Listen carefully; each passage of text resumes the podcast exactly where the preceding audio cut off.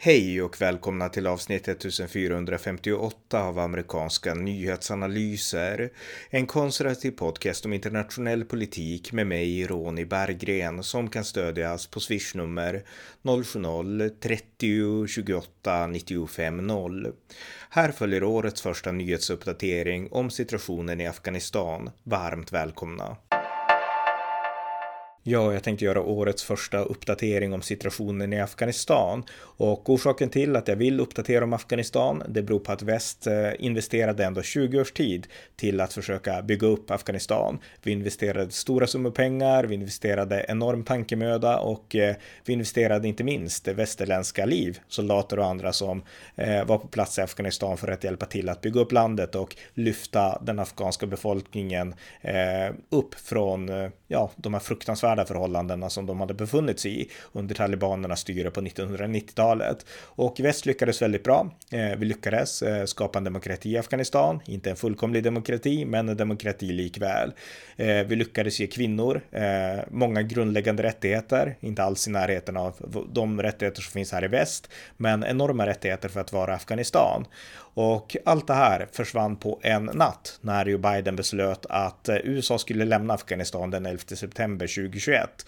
Eh, I praktiken så lämnade man ju redan eh, i augusti, eller ja, i augusti 2021 kan man säga däromkring. Eh, och eh, konsekvensen av det, det blev en katastrof. Eh, redan direkt, det som hände det var ju, man kunde se scenerna när liksom desperata afghaner höll fast i de amerikanska flygplanen och föll ner på marken. Eh, man kunde se, ja, bomberna som sprängdes på flygplatsen när 13 amerikanska marinsoldater dog, fler än vad som har dött på hur länge som helst när USA har funnits på plats. Och eh, Eh, ja, sen kunde man också se talibanerna marschera in i Kabul och sådär. Så att eh, fruktansvärt då, men det stora lidandet det kom ju efteråt. Dels i anslutning till liksom evakueringen när väldigt många försökte fly. Eh, vissa lyckades, andra lyckades inte, men också det som har hänt månaderna därefter. Den här enorma svälten och det här eh, stora fruktansvärda kvinnoförtrycket som har kommit tillbaka och eh, lidande barn, lidande män, alla lider i Afghanistan. Så att det är en, Eh, ja, det som hänt är fruktansvärt. Och det här är en konsekvens av att USA lämnade Afghanistan. Och eh, jag vill göra de uppdateringarna, dels för att påminna om eh, vad eh, ja, att vi ändå, vi, gjorde ändå ett åtagande i väst, jag har ju pratat om det förut. Vi lovade att bygga upp Afghanistan och att bistå Afghanistan och att inte lämna Afghanistan. Men vi gjorde det i alla fall och det som hände hände. Sen var det inte bara västs fel där, utan det var definitivt den afghanska regeringen och massa olika afghanska interna spelare som inte hade nationens bästa för ögonen, så var det också. Men likväl, det här är en Eh, konsekvens av eh, hur väst har agerat och har hanterat Afghanistan. Vi har inte det, tagit det ansvar som vi lovade att ta helt enkelt. Och eh, jag vill uppdatera, påminna om det. Dels för att Ehm, ja, det kan behövas, alltså att vi kan lära oss någonting inför liksom nästkommande politiska beslut. Men också för att jag tror att vi kommer att behöva engagera oss i Afghanistan i framtiden igen. Nu är det en stor svält i Afghanistan och vi engagerar oss redan nu.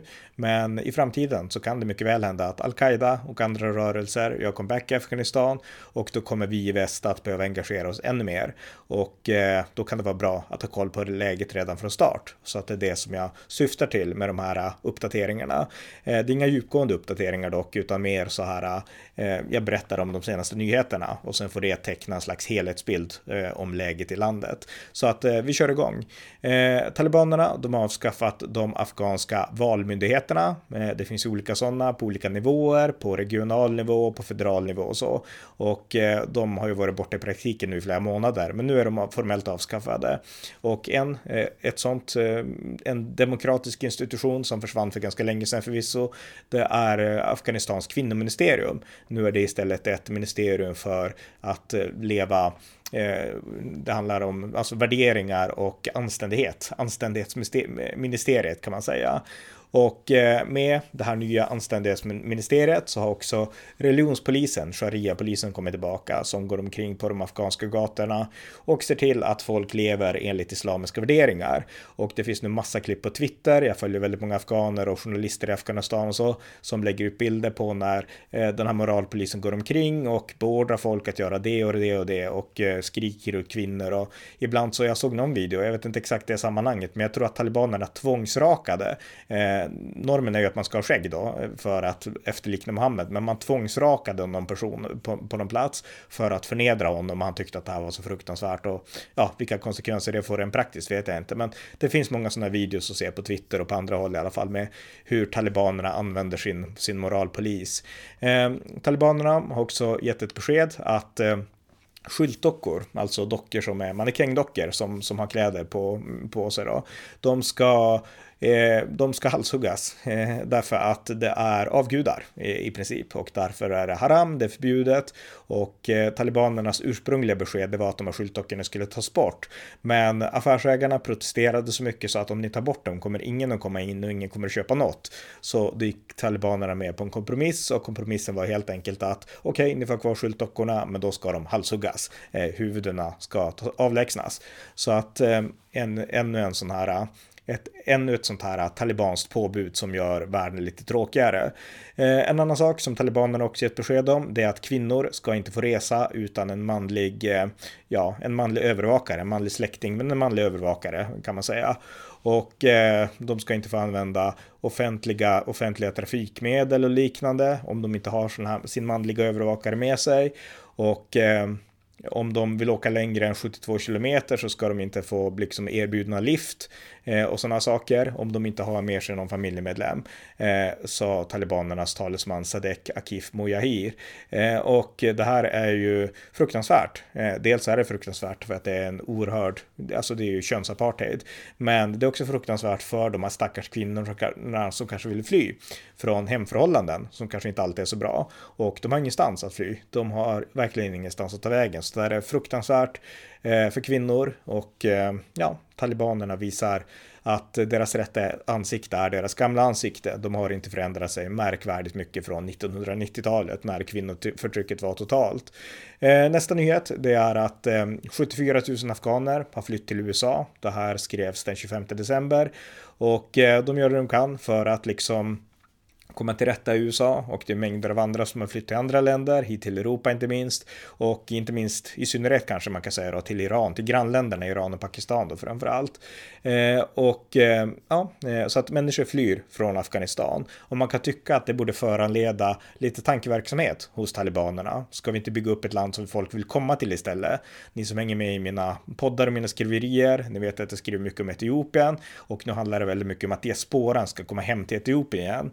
Jag Afghanistan är det tvärtom, alla flyr, men talibanerna verkar inte reflektera över varför, utan istället så ska man bara visa upp att vi, liksom, vi står för det goda samhället. Och det senaste, det är att eh, guvernören i Ghazni-provinsen i Afghanistan, han visar upp amerikanskt krigsbyte som, eh, ja, som ett tecken då på att talibanerna besegrade amerikanerna och där krigsbytet består av utbrutna delar av en vägg från en amerikansk militärbas. En vägg där amerikanska soldater har skrivit in sina namn. Det är en gammal tradition som soldater har och eh, nu har talibanerna ryckt loss de här bitarna och visar upp dem för att liksom visa att eh, eh visa för afghanerna och för världen och för framtida generationer att vi besegrade amerikanerna, sa kulturchefen Mullah Habedullah Mujahid till eh, AFP.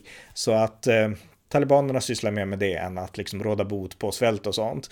Men det är svält i Afghanistan och det är en fruktansvärd svält. Och eh, jag läser en artikel som handlar om att eh, familjer nu i National Review måste sälja sina döttrar, sina barn, men främst sina döttrar, för att få råd med mat. Och eh, i den artikeln så står det med en eh, Eh, en mor, Aziz Gul, som har en tioårig flicka som vart såld eh, till ett äktenskap någonstans för att eh, familjen hade helt enkelt inte råd att, att ge de andra eh, barnen någon mat. Så att man fick sälja en av döttrarna. Och det här är ju såklart helt fruktansvärt. Och de här som blir bortgifta, de blir ju bortgifta till människor som kanske inte bryr sig om dem. Jag menar, barnäktenskap, det är fel och det är förkastligt, även om det praktiseras i Afghanistan.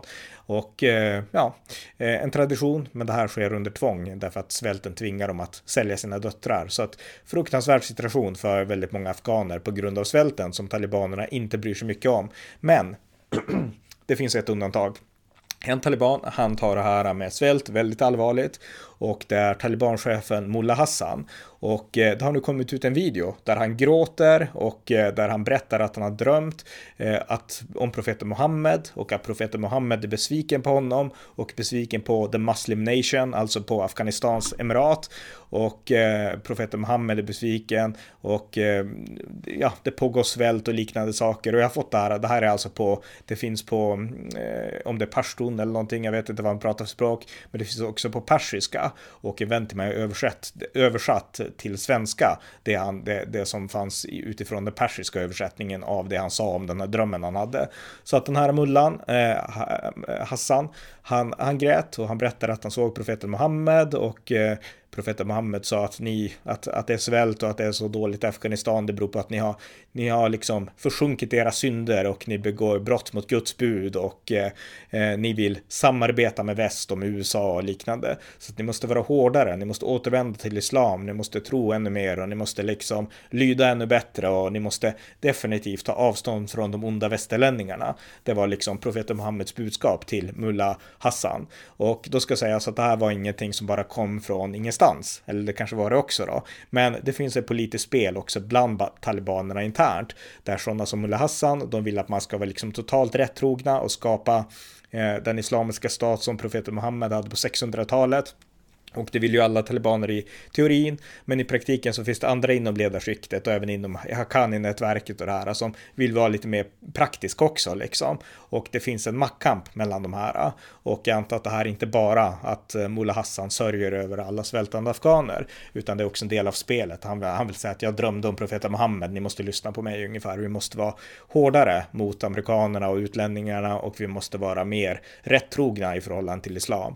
Men eh, det där säger lite grann om liksom vad talibanerna sysslar med. De sysslar med drömtydning, de sysslar med att liksom göra eh, ja, göra museum där de ställer ut liksom skrot från amerikanska militärbaser. Och de sysslar med alla möjliga dumheter, liksom att kvinnor inte får resa, samtidigt som Afghanistan svälter och landet håller på att totalt kollapsa. Liksom det går inte att ta ut pengar på bankerna och det, ja, det är ett land som verkligen har förfallit rakt ner till botten eh, på grund av talibanernas eh, styre. Det är ju liksom inte USAs fel, eh, utan det här är helt talibanernas eget fel att det har blivit som det har blivit. Eh, det var USAs fel att talibanerna fick makten, men det som sen hände, det var helt talibanernas eget fel.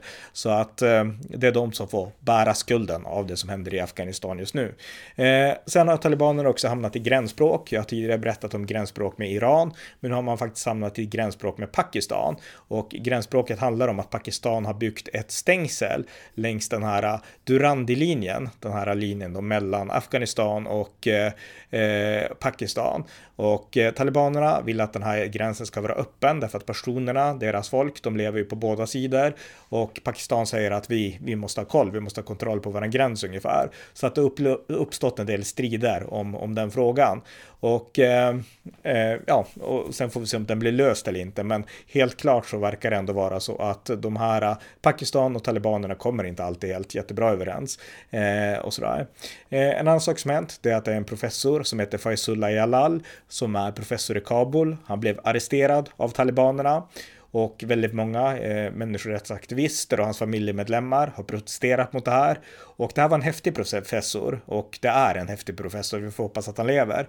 Han, eh, Faizullah Jalal, han eh, har uttalat sig kritiskt, väldigt kritiskt mot talibanerna och eh, det som fick honom arresterad det var att han gjorde något uttalande om just den här Durand-linjen då mellan Afghanistan och Pakistan som inte följer linje med det talibanerna tyckte. Eh, men eh, eh, han, eh, ja, han har kritiserat talibanerna i alla fall och det är inte så många som vågar göra det. Så att nu har de hämtat honom och vad som kommer att hända och så, det vet jag inte, men de har hämtat honom i alla fall, en av de mest modiga talibankritikerna i Afghanistan. Eh, en annan sak som jag kan nämna innan vi börjar avrunda, det är att i samband med att USA lämnade Kabul eh, den 19 augusti, då eh, var det så här att en man sträckte fram en bebis till en amerikansk soldat och den bebisen försvann och sen glömde alla bort den bebisen. Men den är nu återfunnen och återbördad till sin familj och kan förhoppningsvis få komma till USA. Och historien är så här att eh, den här bebisen då som heter Sohail Ahmadi, hans pappa eh, försökte fly eh, i samband med att talibanerna kom och försökte ta sig in på flygplatsen då, i Kabuls flygplats för att komma med något amerikanskt flygplan och flyga därifrån. Och i den processen så sträckte han över sin bebis till en amerikansk soldat och så tänkte han bara springa in själv och ta bebisen igen. Men då kom talibanerna och tryckte bort honom så att han separerades från den här bebisen och det var stor sorg och allt det här var sen bortglömt. Ingen visste vad som hände och eh, det visade sig sen då att en man eh, på plats i Afghanistan hade tagit hand om den här bebisen för amerikanerna hade inte tagit med den. Och eh, den här bebisen vart ja, omhändertagen av en man där. Men nu är babyn eh, tillbakaförd till sin, sin släkt och förhoppningsvis nu så ska den här unga, lilla pojken få skickas till USA där resten av familjen nu är. Så att slutet gott för den här lilla babyn i alla fall, eh, vilket är en solskenshistoria i ett land där eh, det tyvärr inte kryllar av sådana och det finns tyvärr många exempel också på andra barn som har försvunnit och inte har kommit tillbaka. Eh, jag sa tidigare att det som hände i Kabul eller i Afghanistan förra året, det var en katastrof och att det var Joe Bidens fel. Och det var verkligen det. Nu har identiteten på självmordsbombaren från ISIS-K, alltså han som smällde av den här självmordsbomben som dödade 13 amerikanska marinsoldater. Hans identitet har avslöjats. Han heter, eller han hette, för han dog ju i självmordsbomben, Abdul Rahman al-Logari. Och han var en känd terrorist som USA höll inlåst på sin flygbas, Bagram-basen utanför Kabul, Afghanistan. Och eh, ni som minns, ni vet att den här basen var en bas som många inom den amerikanska militären ville att USA skulle behålla. Vi kan lämna allt, men vi kan inte lämna Bagram var budskapet. Men Joe Biden ville lämna Bagram också. Och konsekvensen av det, det blev att talibanerna sprang in på den här eh, superdyra militärbasen som USA byggt upp och eh, släppt ut alla fångar, alla ISIS-K-fångar. Och en av dem var Abdulrahman al-Logari. Han satt alltså fången på eh, Bagram, vart utsläppt och det första han gjorde när han vart utsläppt var att han gjorde det han brukade göra eh, innan han var inlåst, nämligen han återföll till terrorism. Han byggde en självmordsbomb och han sprängde en bomb där mängder av civila och 13 amerikanska soldater dog. Eh, och det här var såklart talibanernas fel som släppte ut honom, men det var också Joe Bidens totala tanklöshet. Joe Biden övergav bagramsbasen med konsekvens att terrorister som USA har ägnat år åt att försöka fånga in och där man har liksom erbjudit lösensummor och använt supereffektivt underrättelsearbete som USA är superbra på. Allt det liksom släppte man och sen släppte man ut de här fångarna bara för att Joe Biden ville lämna Afghanistan och konsekvensen blev den här bomben på Kabuls flygplats. Så att det här kommer verkligen att fortsätta jaga Joe Biden. Jag är helt övertygad om det inför, ja, både inför mellanårsvalet nu och inför presidentvalet nästa år. Så att eh, en total katastrof faktiskt för Joe Bidens del. Men med det sagt så, ja, så räcker det för den här gången. Nu har ni fått en liten uppdatering om den fortfarande mycket tragiska situationen i Afghanistan. Det var avsnitt 1458 av amerikanska nyhetsanalyser. En konservativ podcast om internationell politik som ni gärna får stödja på swishnummer 070-30 28 95 0 eller via hemsidan på Paypal, Patreon eller bankkonto. Det var allt för den här gången. Tack för att ni har lyssnat.